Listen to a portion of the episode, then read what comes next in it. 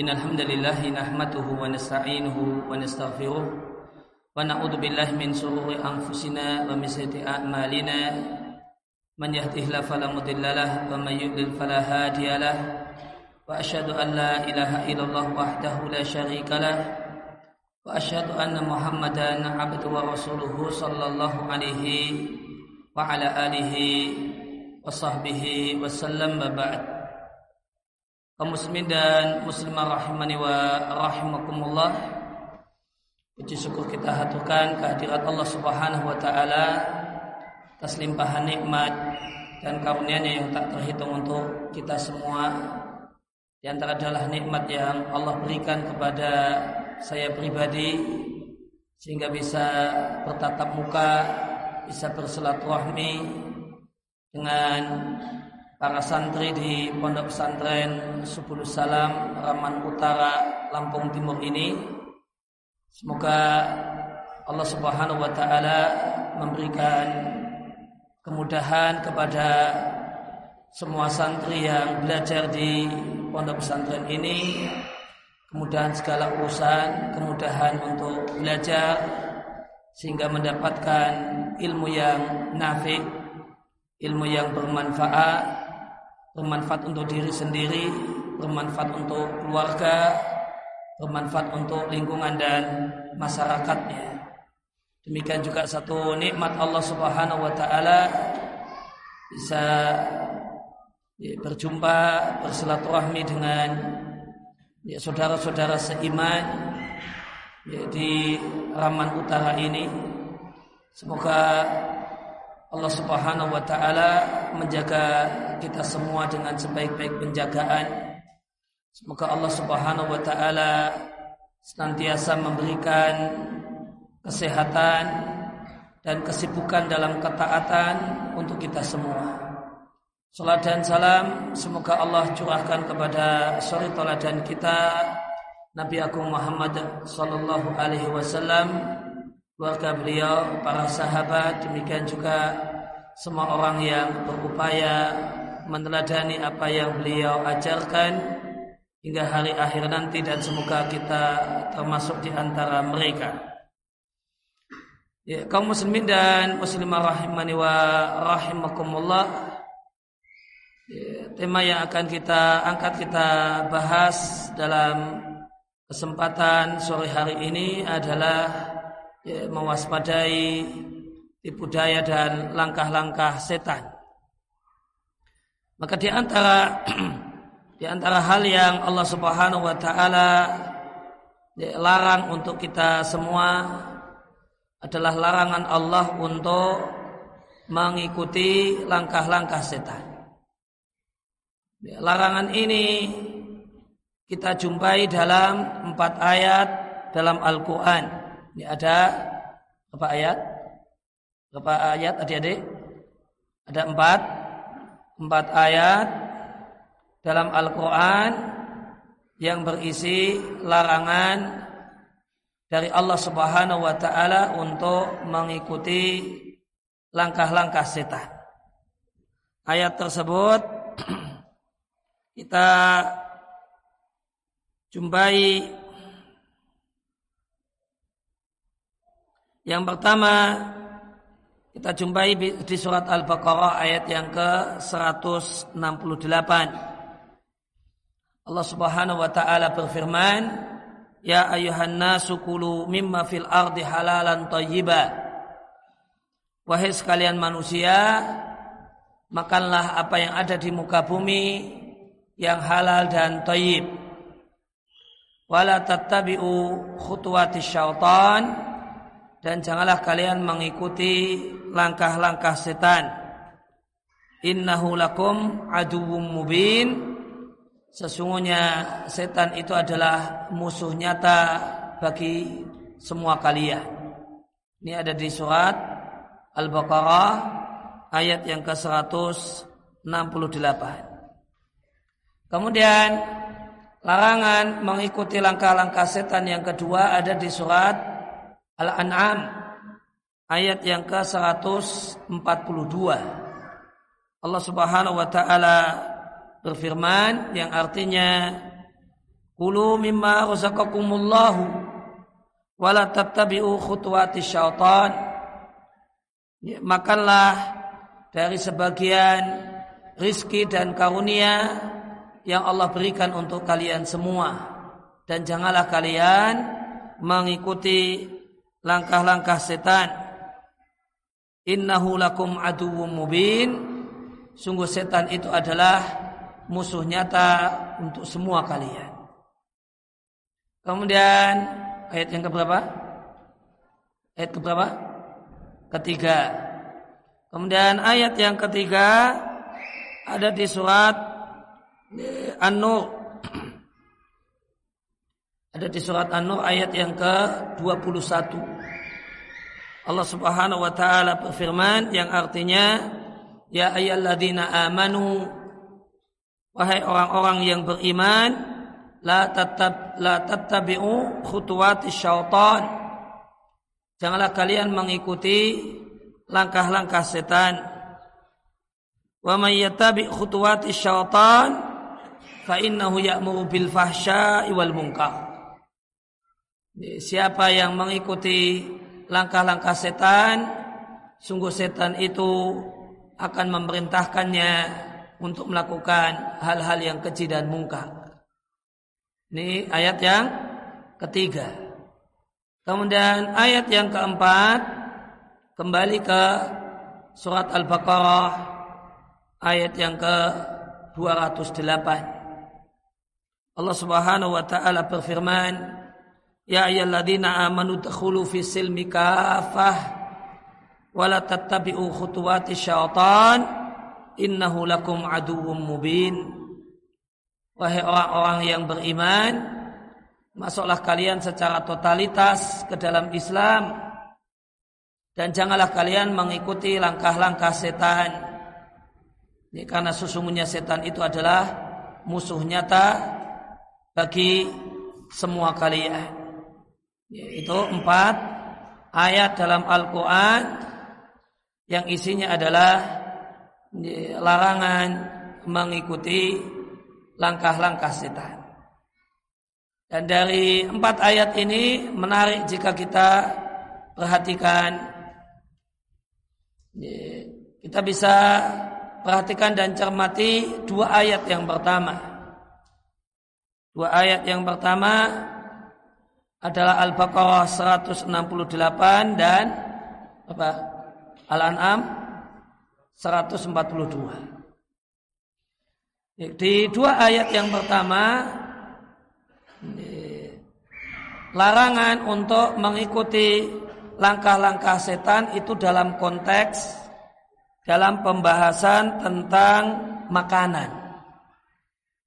Dalam bahasan tentang masalah ya, pentingnya mencari ya, dan mengkonsumsi yang halal, memakan yang halal dan mendapatkan penghasilan yang halal.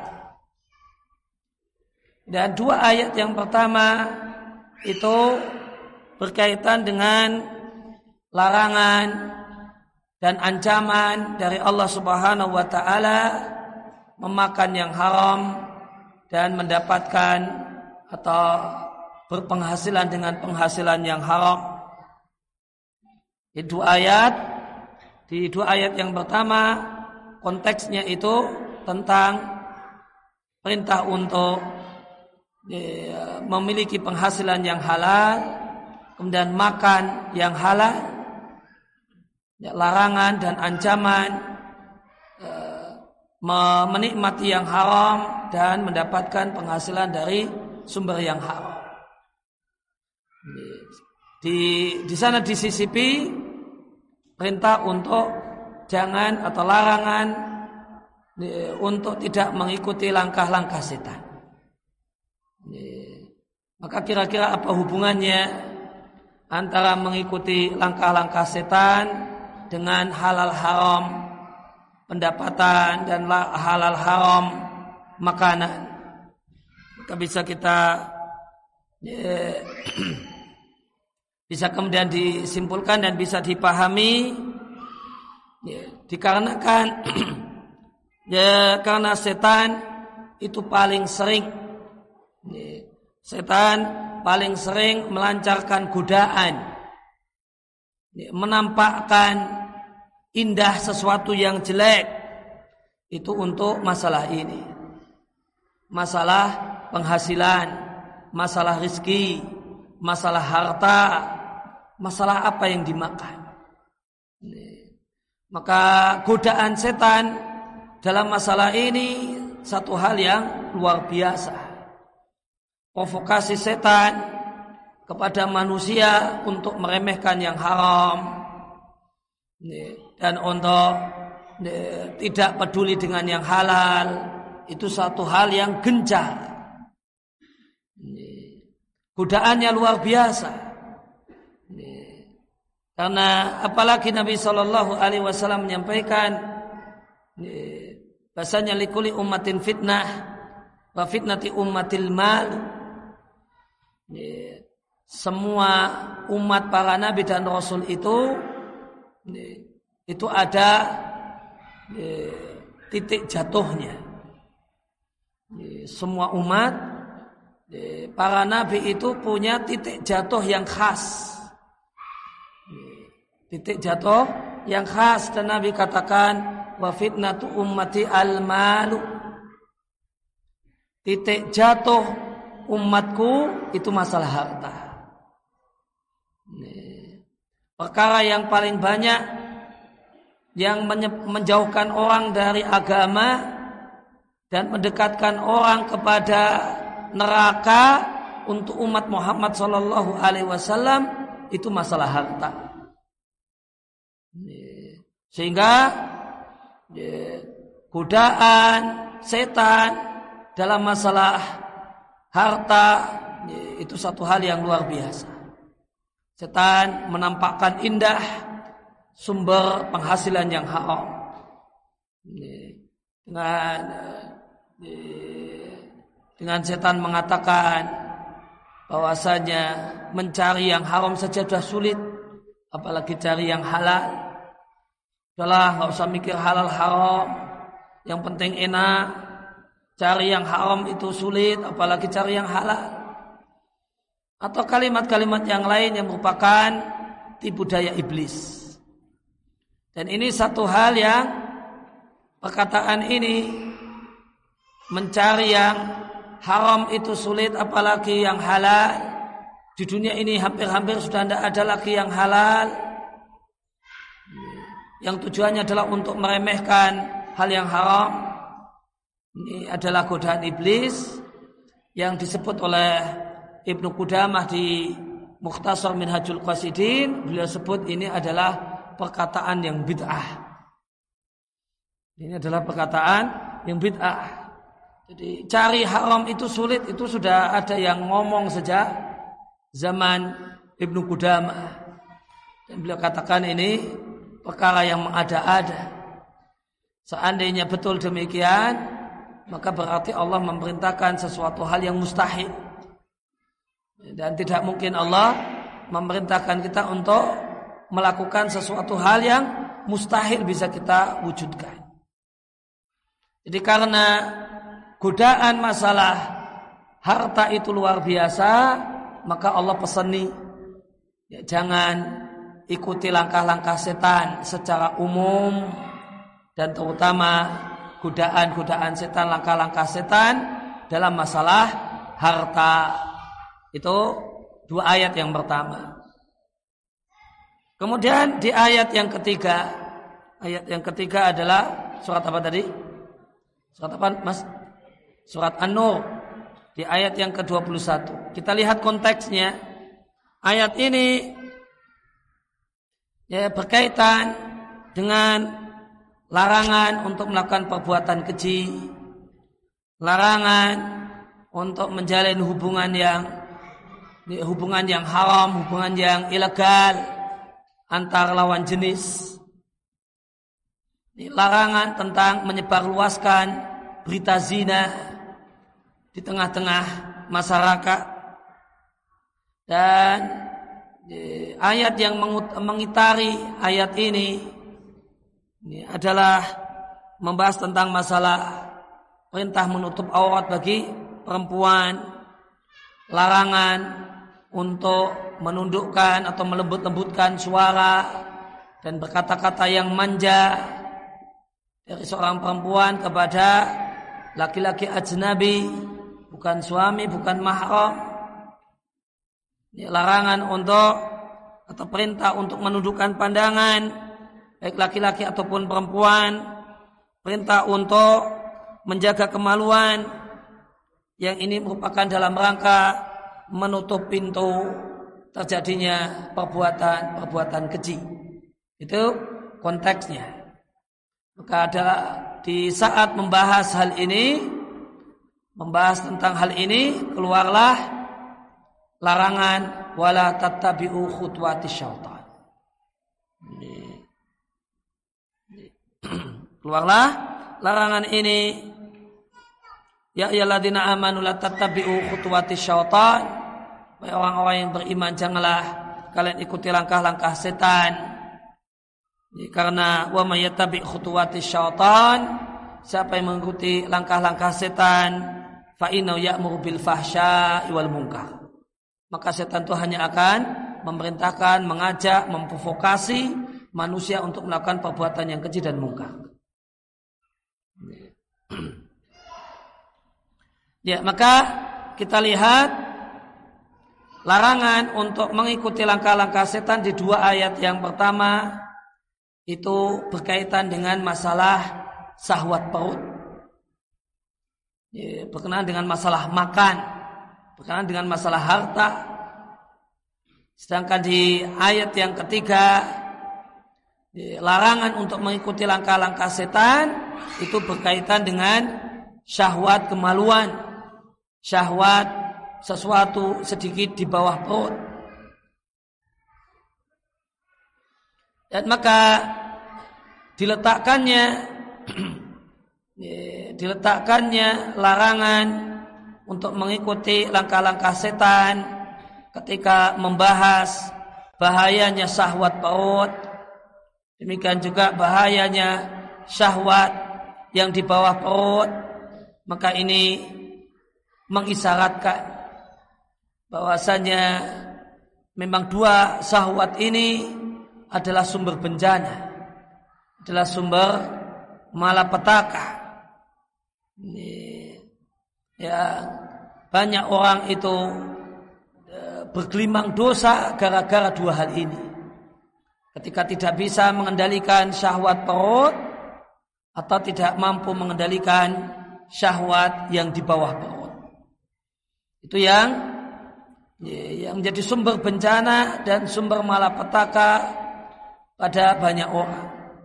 Maka Nabi Shallallahu Alaihi Wasallam menyampaikan, siapa yang bisa menjamin kalau dia akan bisa menjaga apa yang ada di antara dua kakinya, yaitu kemaluannya, dan bisa menjaga baik-baik apa yang ada di antara dua rahangnya, maka Nabi jamin surga untuknya. Dan ketika Nabi Shallallahu Alaihi Wasallam ditanya tentang aktsaru ma yudkhilu an-nasa perkara apakah yang paling banyak memasukkan orang ke dalam neraka maka Nabi katakan itu adalah al-famu wal farju adalah mulut dan kemaluan jadi maka Inilah bahaya. Maka Allah isyaratkan bahaya dua syahwat ini dengan diletakkannya larangan untuk mengikuti langkah-langkah setan ketika membahas dua syahwat ini. Syahwat perut, berupa makanan dan harta, dan syahwat di bawah perut, syahwat kemaluan. Kemudian ayat yang keempat itu ada di surat Al-Baqarah ayat yang ke-208. Nah, maka kalau ya, ayat yang keempat tentang larangan mengikuti langkah-langkah setan itu dalam suasana dalam konteks ya, cara untuk terbebas dan terlindungi dari langkah-langkah setan. Maka Allah ingin sampaikan jika kalian ingin melindungi diri kalian dari makanan yang haram, dari penghasilan yang haram, dari terjumus dalam perbuatan yang keji dan zina, maka solusinya caranya adalah berkomitmen untuk totalitas, berkomitmen untuk berpegang teguh berpegang teguh dengan syariat Allah Ar-Rahman. Kemudian jangan meremehkan aturan-aturan Allah Subhanahu wa taala. Jangan menyepelekan aturan-aturan Allah Subhanahu wa taala dengan eh, masuklah ke dalam Islam secara totalitas. Karena dengan masuk ke dalam Islam secara totalitas, maka kita akan terjaga dari langkah-langkah setan. Maka ayat yang keempat di surat Al-Baqarah itu membahas tentang kiat supaya terjaga dari langkah-langkah setan. Kiat utamanya adalah berpegang teguh dengan syariat Islam, dengan ajaran Allah Subhanahu wa taala dan Rasulnya tanpa meremehkannya, tanpa menyepelekannya. Ya, namun perhatian yang besar dan totalitas terhadap aturan-aturan Allah Subhanahu wa taala itu benteng pelindung dari langkah-langkah setan. Kemudian eh, kaum muslimin dan muslimah rahimani wa rahimakumullah Hakikat dari langkah-langkah setan itu adalah godaan-godaan setan. Namun pilihan kata, bahasa Indonesia diksi, non pilihan kata, namun diksi yang Allah pakai adalah kosakata langkah-langkah. Godaan setan berkenaan dengan syahwat kemaluan, berkenaan dengan sahwat perut itu menggunakan pilihan kata langkah-langkah. Dan itu satu hal yang luar biasa satu hal yang bagus sekali dan satu hal yang mewakili realitas sesungguhnya dari godaan-godaan setan. Jadi ada beberapa pelajaran yang bisa kita petik yang bisa diambil di balik penggunaan kata langkah-langkah setan. Kenapa langkah-langkah? Maka ada beberapa pelajaran yang bisa diambil. Yang pertama, yang namanya langkah itu jaraknya pendek-pendek. Ya enggak? Kalau jauh namanya apa? Ya. Namanya apa kalau jauh? Langkahnya jauh namanya apa? Hah? Loncat. Bukan langkah-langkah. Namanya khutuwat. Langkah-langkah. Selangkah demi selangkah. Itu artinya jarak pendek-pendek. Kalau loncat, nah itu langsung jauh. Loncat lagi jauh lagi loncat lagi jauh lagi. Kalau ini langkah-langkah, artinya jaraknya pendek-pendek. Ya, jaraknya pendek-pendek. Maka ini menggambarkan realita godaan setan. Rasanya godaan setan itu dimulai dari yang pendek-pendek. Dimulai dari yang pendek-pendek untuk sampai yang jauh. Dimulai dari yang pendek-pendek untuk bisa sampai yang jauh.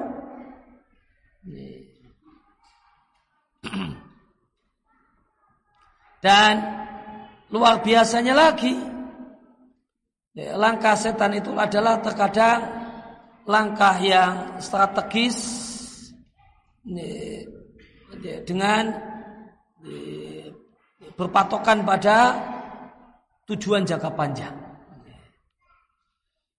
Sebagaimana perkataan Hasan bin Soleh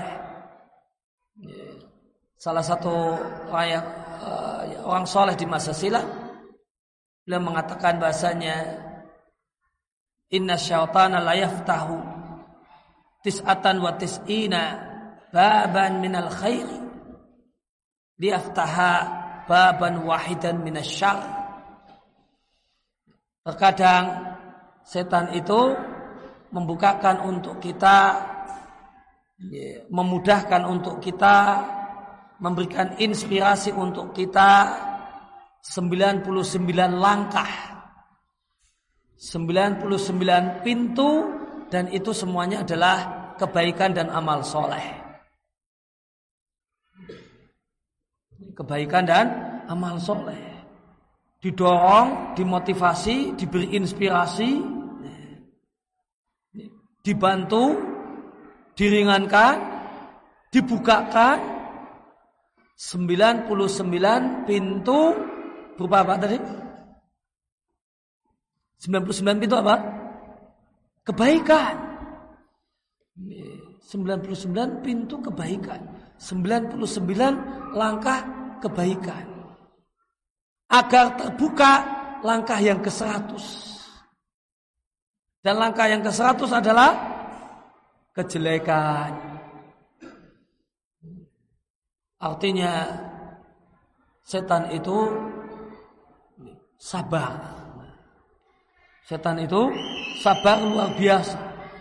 Dia bisa bersabar melihat manusia yang dia goda itu melakukan 99 kebaikan. Yang ini kebaikan ini juga sebenarnya jengkeli dia.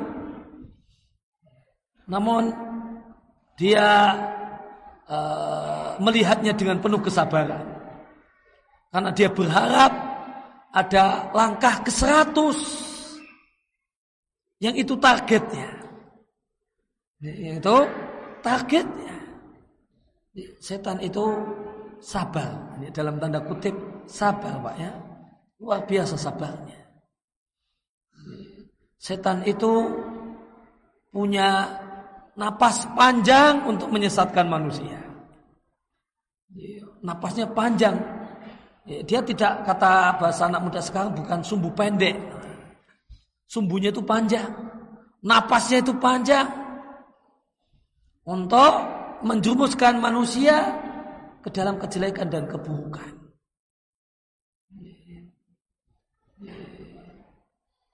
Sehingga betapa sabarnya dia membantu manusia ayo lakukan kebaikan. Ayo lakukan kebaikan, lakukan kebaikan sampai 99. Setelah itu langkah yang ke-100 adalah keburukan. Dan di antara hal yang menunjukkan demikian adalah bagaimanakah setan itu berhasil menjumuskan manusia pertama eh, manusia-manusia pertama ke dalam kesyirikan yang terjadi di masa Nabi Nuh alaihi salatu wassalam. Ya, setan tidak uh, mendorong mereka langsung kerjakanlah kemusyrikan. Sembahlah selain Allah tidak. Namun setan membukakan pintu-pintu kebaikan terlebih dahulu.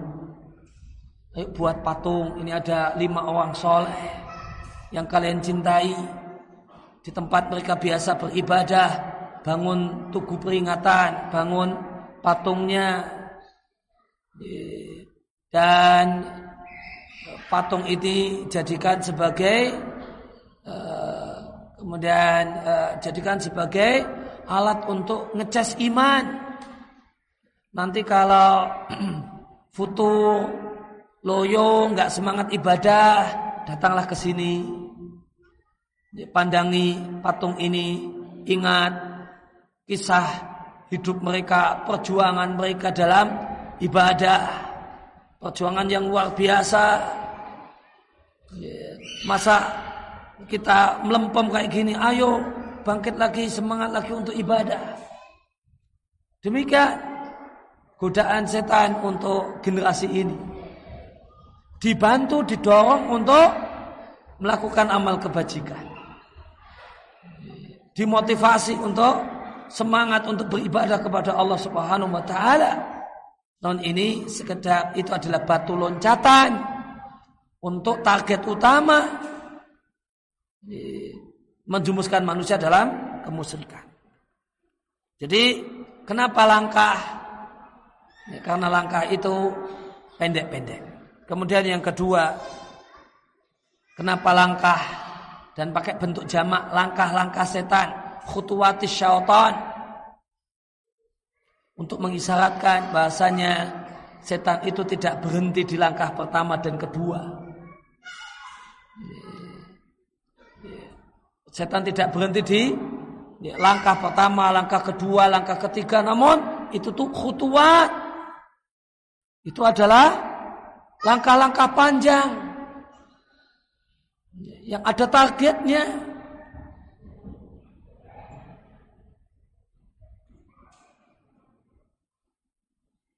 Maka langkah ini akan disusul dengan langkah selanjutnya. Akan diiringi dengan langkah selanjutnya. Dan ujungnya adalah kejelekan. Ujungnya adalah kejelekan. Boleh jadi langkah awal kebaikan.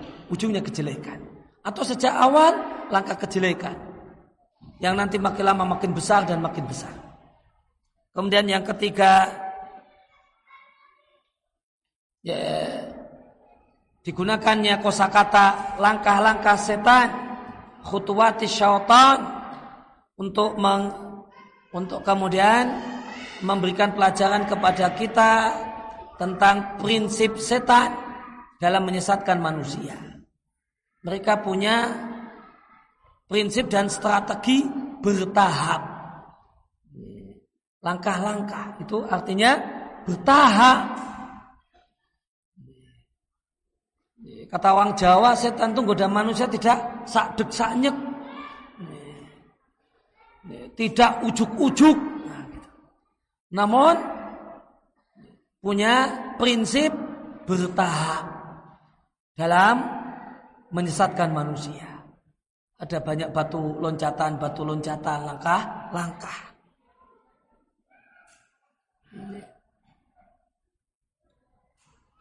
Maka langkah tersebut diawali dengan e, faktor pendorong, dimunculkannya faktor pendorong untuk berbuat maksiat dalam jiwa kita. Kemudian strategi selanjutnya adalah dijumuskan dalam kubangan maksiat Langkah selanjutnya adalah terus menerus asik dalam maksiat. Kemudian menjadi mania, hobi, mencintai maksiat dan kejelekan tersebut. Dan diharapkan ini menjadi konsumsi manusia yang digoda terus menerus sampai akhir hayatnya. Itu tahapan-tahapan tahapan global setan dalam menyesatkan manusia. Diawali dari kepikiran, memunculkan niat, keinginan, akhirnya coba-coba terjumus. Setelah terjumus, maka dibuat eh, asik dengannya terus menerus. Eh, semangat untuk melakukannya, diupayakan menjadi penggemarnya sampai kematian tiba.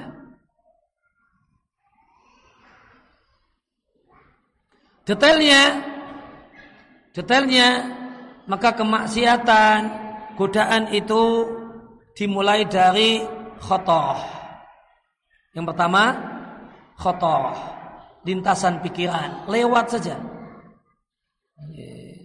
Ada lintasan pikiran ingin maling, ingin mencuri, ingin ngambil sesuatu yang bukan miliknya. Lintasan saja. Lewat aja dulu. Yang penting sudah lewat.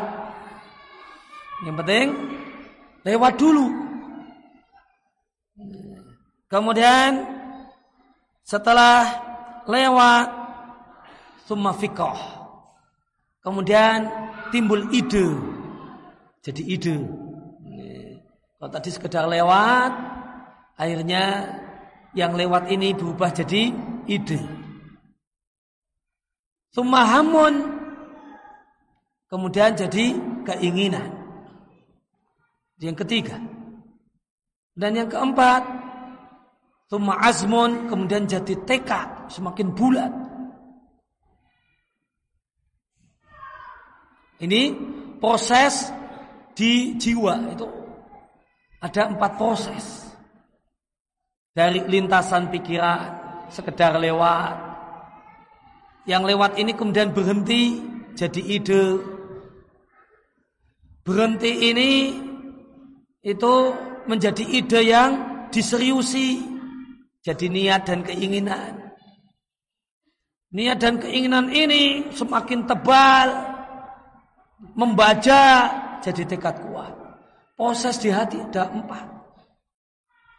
Setelah itu, maka setelah itu summa fi'lun.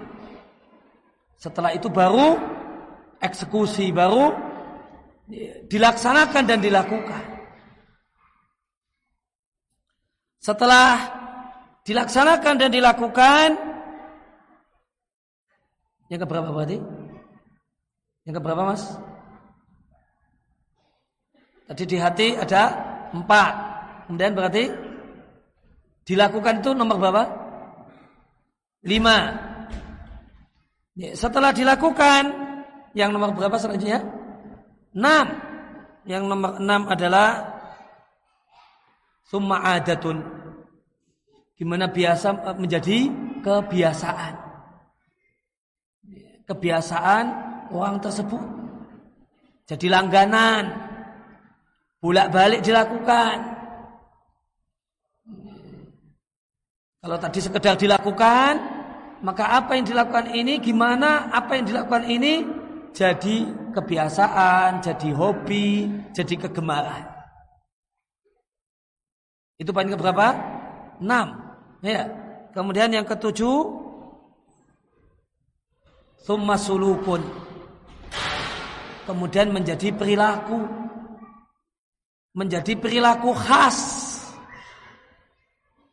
Sehingga itu menjadi melekat. Ya, Itu melekat kepada ya, pelakunya. Dan nanti menjadi melekat kepada pelakunya. Jadi perilaku. Jadi akhlak. Setelah jadi kebiasaan, maka nanti jadi perilaku dan akhlak. Akhlaknya akhlak yang buruk. Akhlak itu disebut akhlak, syaratnya adalah dilakukan tanpa dipikir-pikir. Itu akhlak. Ada yang akhlak yang baik dan ada akhlak yang buruk. Ketika dia dilakukan tanpa harus mikir, merancang, namun sudah bisa jadi aktivitas otomatis. Begitu ketemu orang itu sudah langsung senyum. Itu auto senyum. Ah, itu berarti senyumnya sudah jadi akhlak. Tidak mikir dulu. Kalau mikir dulu itu belum jadi akhlak. Oh ini saya mau ketemu orang itu.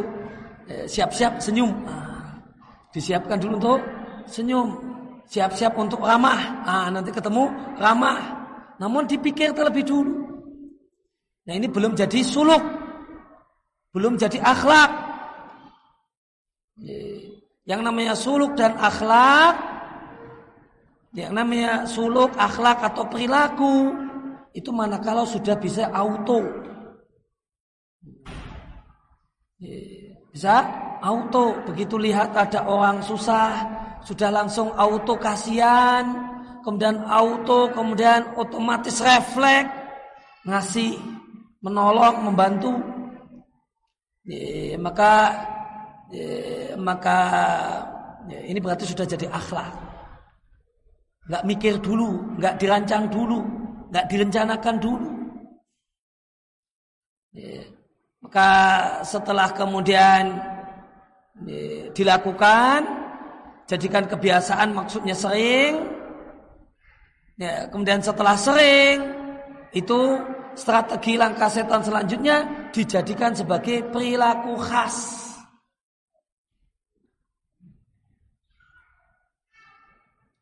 Dan kalau itu jadi perilaku khas, maka orang itu akan terkenal dengannya. Pepatah Arab mengatakan man aktsara syai'an urifa bihi. Siapa yang membiasakan diri melakukan satu hal, maka dia terkenal dan kondang dengannya. Misalnya ada Agus dan Agus ini hobi tidur. Di mana-mana tidur. Maka nanti akhirnya akan terkenal Agus tukang tidur. Agus tukang tidur. Dari mana kok bisa nempel tidur itu ke namanya? Dari mana tidur itu kok bisa nempel ke namanya? Karena itu telah menjadi kebiasaannya, menjadi perilakunya. Ada orang yang perilaku khasnya ngantuan. Apa-apa ngantuan. Duduk sedikit ngantuk. Di kelas ngantuk, di masjid ngantuk, khutbah Jumat ngantuk, pengajian ngantuk. Di mana-mana ngantukan. Namanya Agus, ini Agus yang kedua. Maka jadinya nanti Agus ngantuan. Jadi Agus ngantuan. Kenapa kok bisa ngantuan itu nempel ke namanya? Karena pepatah Arab Man aktsara syai'an urifa bihi. Siapa yang memperbanyak melakukan satu hal eh, maka dia akan dikenal dengannya. Agus yang ketiga itu ke mana-mana bawa buku, ke mana-mana bawa buku dan ke mana-mana baca buku. Eh, nunggu antrian toilet sambil baca buku nunggu antrian, ngambil makan sambil baca buku. Mana-mana baca buku, di mana-mana bawa buku. Ya, di mana-mana baca buku.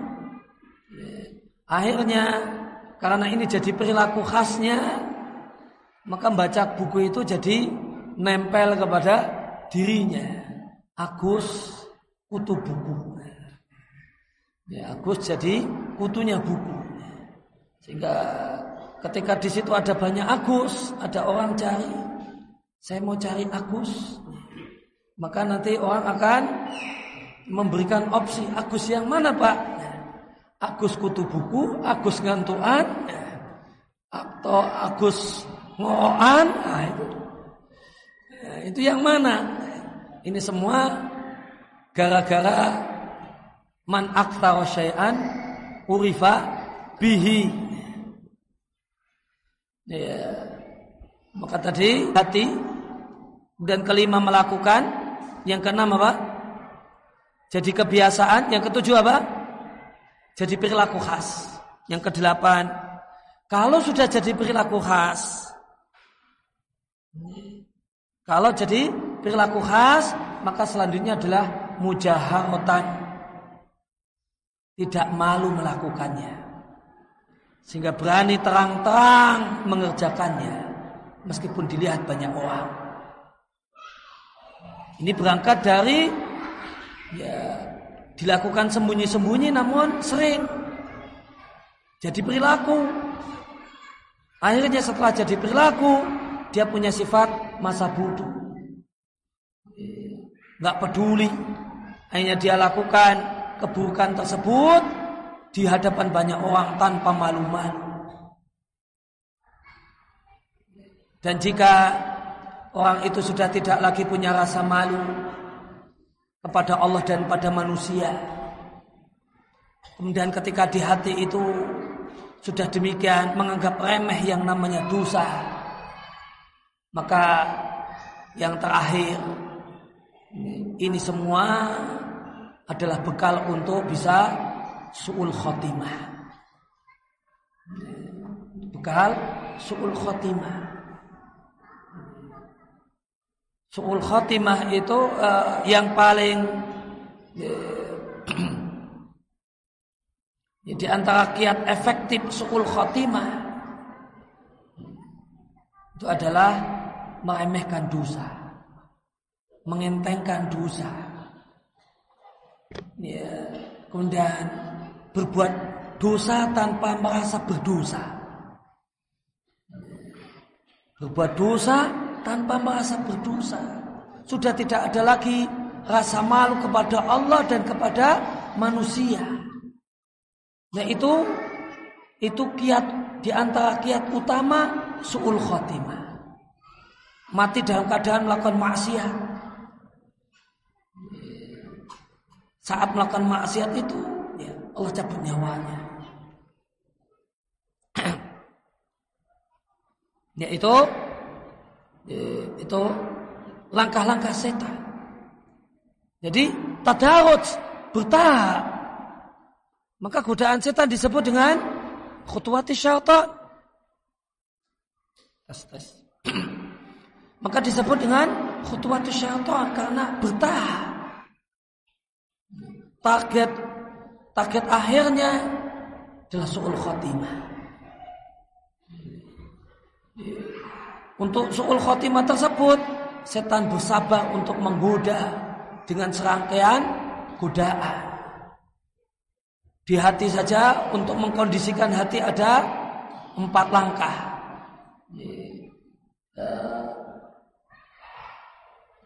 Sebelum dilanjutkan coba tolong uh, diulangi. Delapan. Mas yang di dekat antum. Nah, tolong bacakan delapan cara bertahap setan. Sambil berdiri mas biar keras. Suaranya biar terdengar. Sambil berdiri. Dibaca aja nggak apa-apa.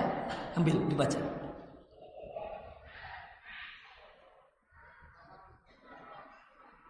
Hah? Yes.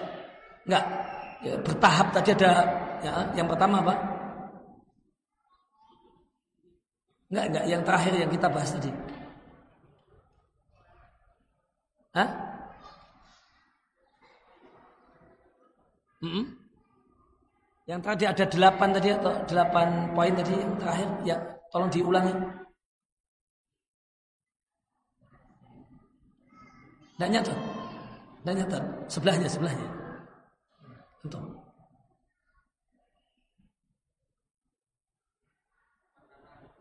Hah? Apa? Khotorah yang pertama khotorah apa itu? lintasan, lintasan pikiran. Dan yang kedua, Hah? Bukan. Yang kedua bukan alhamu. Fikrah dulu. Fikratun. Ya, fikrah itu apa? Ide. Fikrah itu terjemahnya bahasa Indonesia ide. Kemudian yang ketiga hamun, keinginan. Yang keempat Oh, yang keempat yang dibalik tembok, yang dibalik tiang. Ada berapa orang dibalik tiang?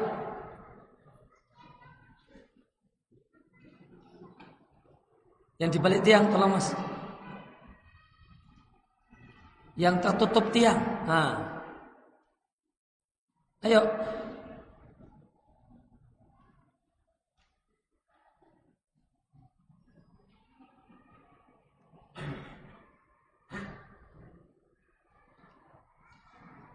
Ayo mas yang ini di balik tiang tolong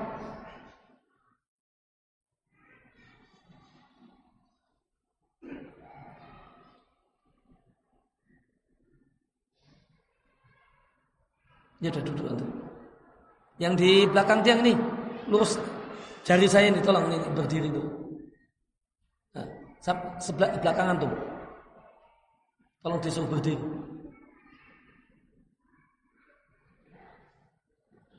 Hah?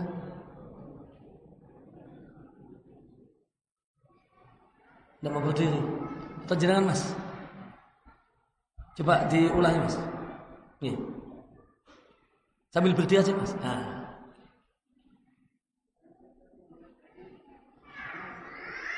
Eh, pertama lintasan pikiran Kemudian yang kedua Ide Hah? keinginan. Tekad kuat. Yang kelima, melakukan. Yang keenam, jadikan kebiasaan. Ketujuh, jadi perilaku. Yang kedelapan, tidak malu melakukannya. Ya. Yang kesembilan, suul khatimah.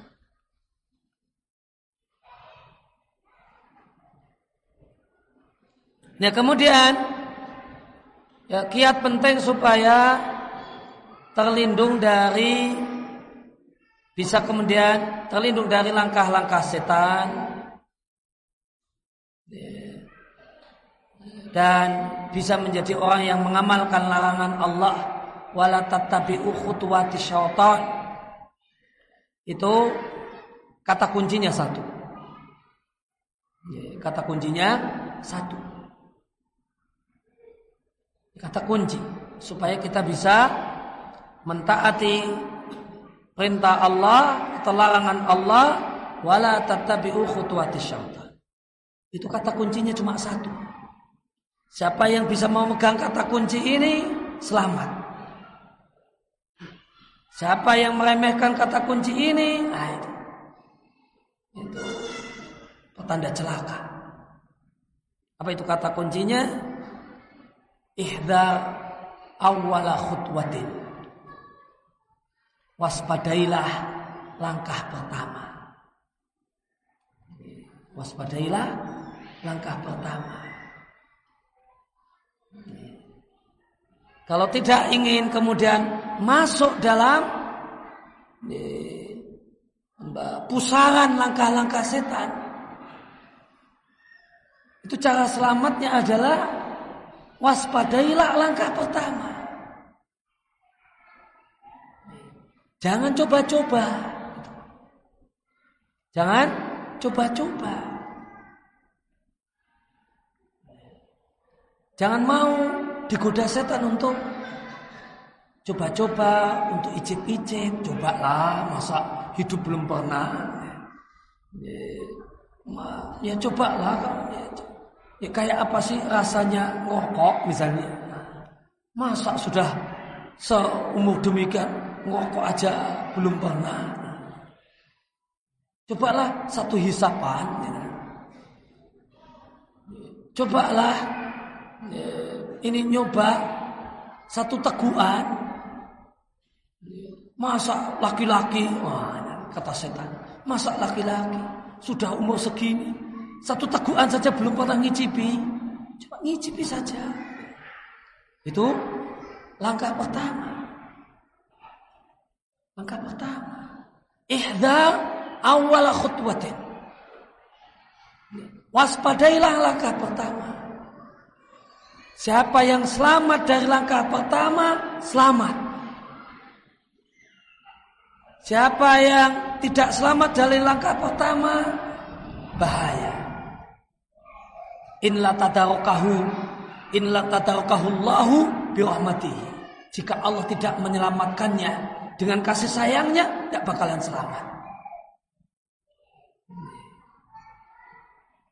Kalau sudah masuk dalam jebakan langkah pertama, itu pusaran itu, itu pusaran.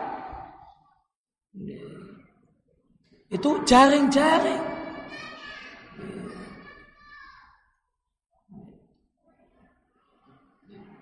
itu jaring-jaring.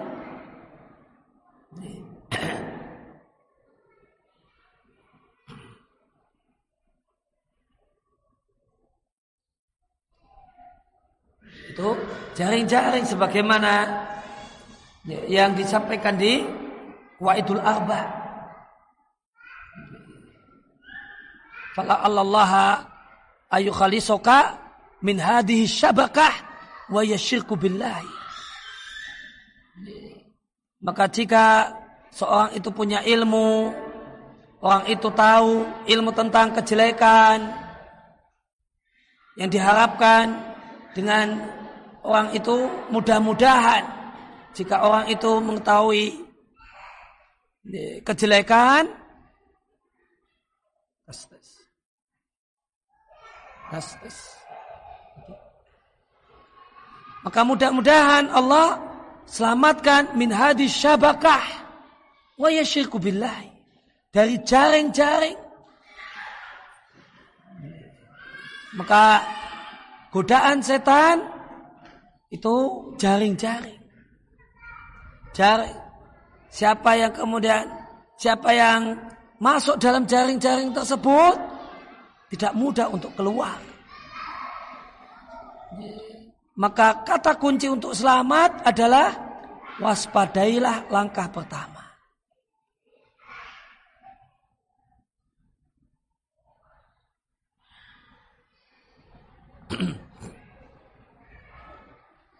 Maka waspadailah langkah pertama karena langkah pertama itu akan dimulai dengan yang paling kecil, yang paling remeh, yang paling sepele. Namun nanti ujungnya adalah perkara yang paling mengerikan. Karena tujuan iblis itu Allah ceritakan di surat Fatir ayat yang ke-6. Innama hisbahu liyakunu min ashabis sa'ir. Iblis itu hanya akan mendakwai orang-orang yang mau mengikutinya untuk menjadi penghuni neraka. Maka waspadailah langkah pertama.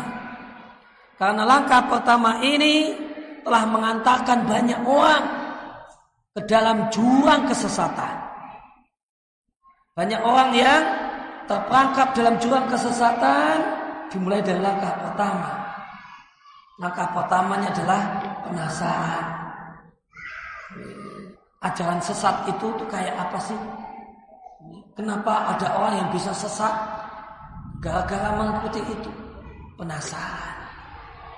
Ingin coba-coba baca buku sesat. Baca artikel yang mendakwakan kesesatan. Itu berawal dari langkah-langkah. Maka berawal dari langkah pertama, maka ada orang yang terjebak dalam jurang kesesatan akidah dan pemikiran. Gara-gara kemudian tidak selamat dari langkah pertama, maka orang itu ada yang tenggelam dalam kubangan kemaksiatan dan tidak pernah meninggalkannya. Itu semua diawali dari langkah pertama. Maka langkah pertama itu demikian menentukan. Langkah pertama itu demikian menentukan. Dalam banyak hal. Dalam banyak hal, langkah pertama itu menentukan. Rumah tangga bahagia dimulai dari langkah pertama. Cinta dalam pandangan pertama ketika nador. Ya, cinta dalam pandangan pertama, langkah pertama. Itu nanti bisa jadi kemudian awal bahagia. Nung langkah pertama yang salah itu bisa jadi awal bencana dan malah petaka.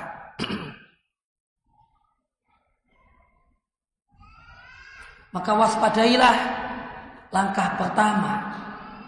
Karena maksiat itu adalah pintu yang tertutup. Dan jika siapa yang coba-coba membukanya sedikit saja, maka dia akan mudah baginya untuk membukanya lebar dan itu nanti akan berkali-kali. Oleh karena itu, maka jangan coba-coba membukanya. Maka Nabi Shallallahu Alaihi Wasallam dalam satu hadisnya Nabi sampaikan tentang uh, gambaran kehidupan manusia, gambaran jalan Allah Subhanahu wa taala. Itu ada satu jalan panjang. Ada jalan panjang. Kemudian di jalan panjang ini ada banyak bilik-bilik kata Nabi. Jalan panjang tersebut di kiri kanannya banyak bilik-bilik. Kalau tadi dikatakan maksiat itu pintu yang terkunci, kalau Nabi mengatakan bahkan lebih dari itu.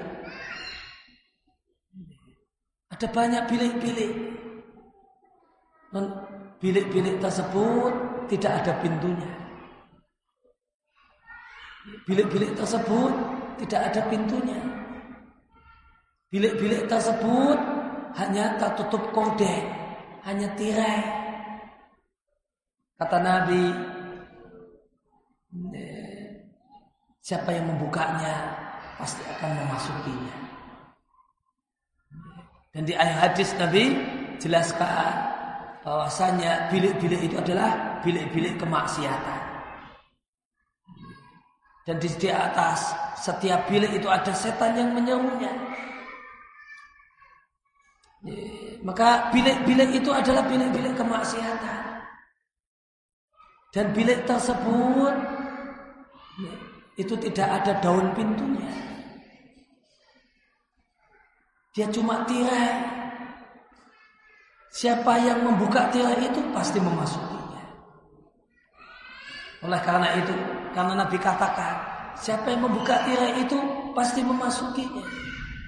Maka kiat selamat adalah ihdar awwala khutmatin.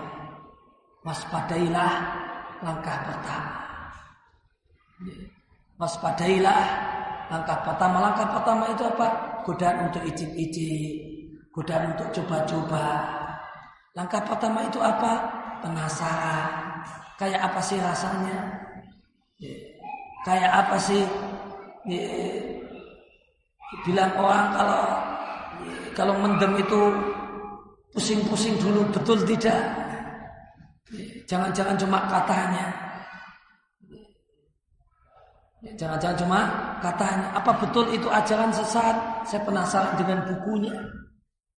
Saya penasaran dengan ceramahnya. Maka itu langkah pertama. Maka cara selamat itu ada sebagaimana sabda Nabi Wasallam tentang Dajjal. Nabi katakan, "Man sami abid Dajjali falian a anhu." Siapa yang mendengar Dajjal, siapa yang mendengar adanya sumber keburukan, falian a anhu, maka adalah dia menjauhinya dan tidak mendekatinya dan tidak penasaran dengannya, bukan malah coba-coba. Bukan malah coba-coba karena siapa yang mencoba maka dia akan ketagihan. Maka Nabi katakan siapa yang membuka tirai pasti dia akan memasukinya. Kemudian Bapak dan Ibu sekalian kaum muslimin dan muslimah rahimani wa rahimakumullah. Ya, orang yang uh, kalau kita perhatikan ayat-ayat tentang mengikuti langkah-langkah setan, maka mentaati setan, mengikuti langkah-langkah setan itu berdampak empat kejelekan. Mengikuti langkah-langkah setan itu berdampak empat kejelekan.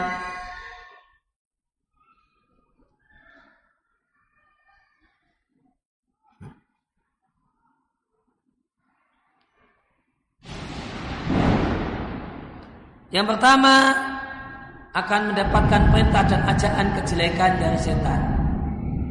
Kemudian yang kedua tersebarnya perbuatan keji.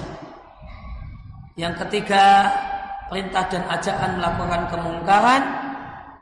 Kemudian yang keempat yang paling jelek berdusta atas nama Allah Subhanahu wa taala.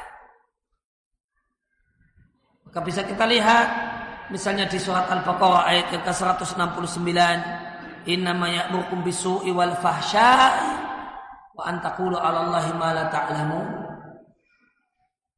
Siapa yang mengikuti langkah-langkah setan, maka setan akan memerintahkan kalian untuk melakukan kejelekan, melakukan perbuatan yang keji dan berbicara tentang Allah, tentang agama Allah tanpa ilmu.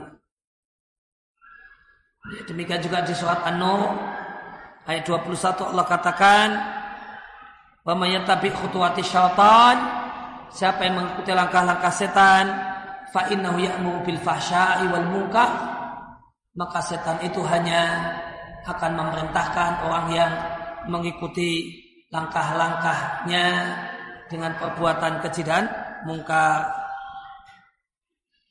Kemudian